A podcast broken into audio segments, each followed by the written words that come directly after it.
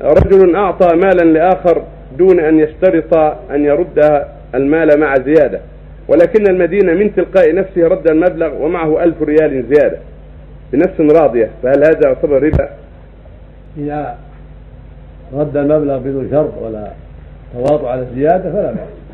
النبي صلى الله عليه وسلم يقول إن خيار الناس أحسنهم القضاء. الرسول صلى الله عليه وسلم كان يعطي خيرا مما أخذ عليه الصلاة والسلام.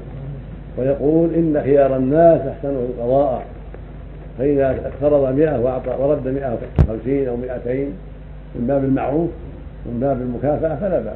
أو اقترض خمسين صاعا من البر فرد مئة أو أقل أو أكثر فلا بأس. النبي صلى الله عليه وسلم جاء أنه اقترض ثلاثين ورد ستين واقترض أربعين ورد ثمانين أربعين؟ صاعا. صاع. أو أربعين وسقا نعم.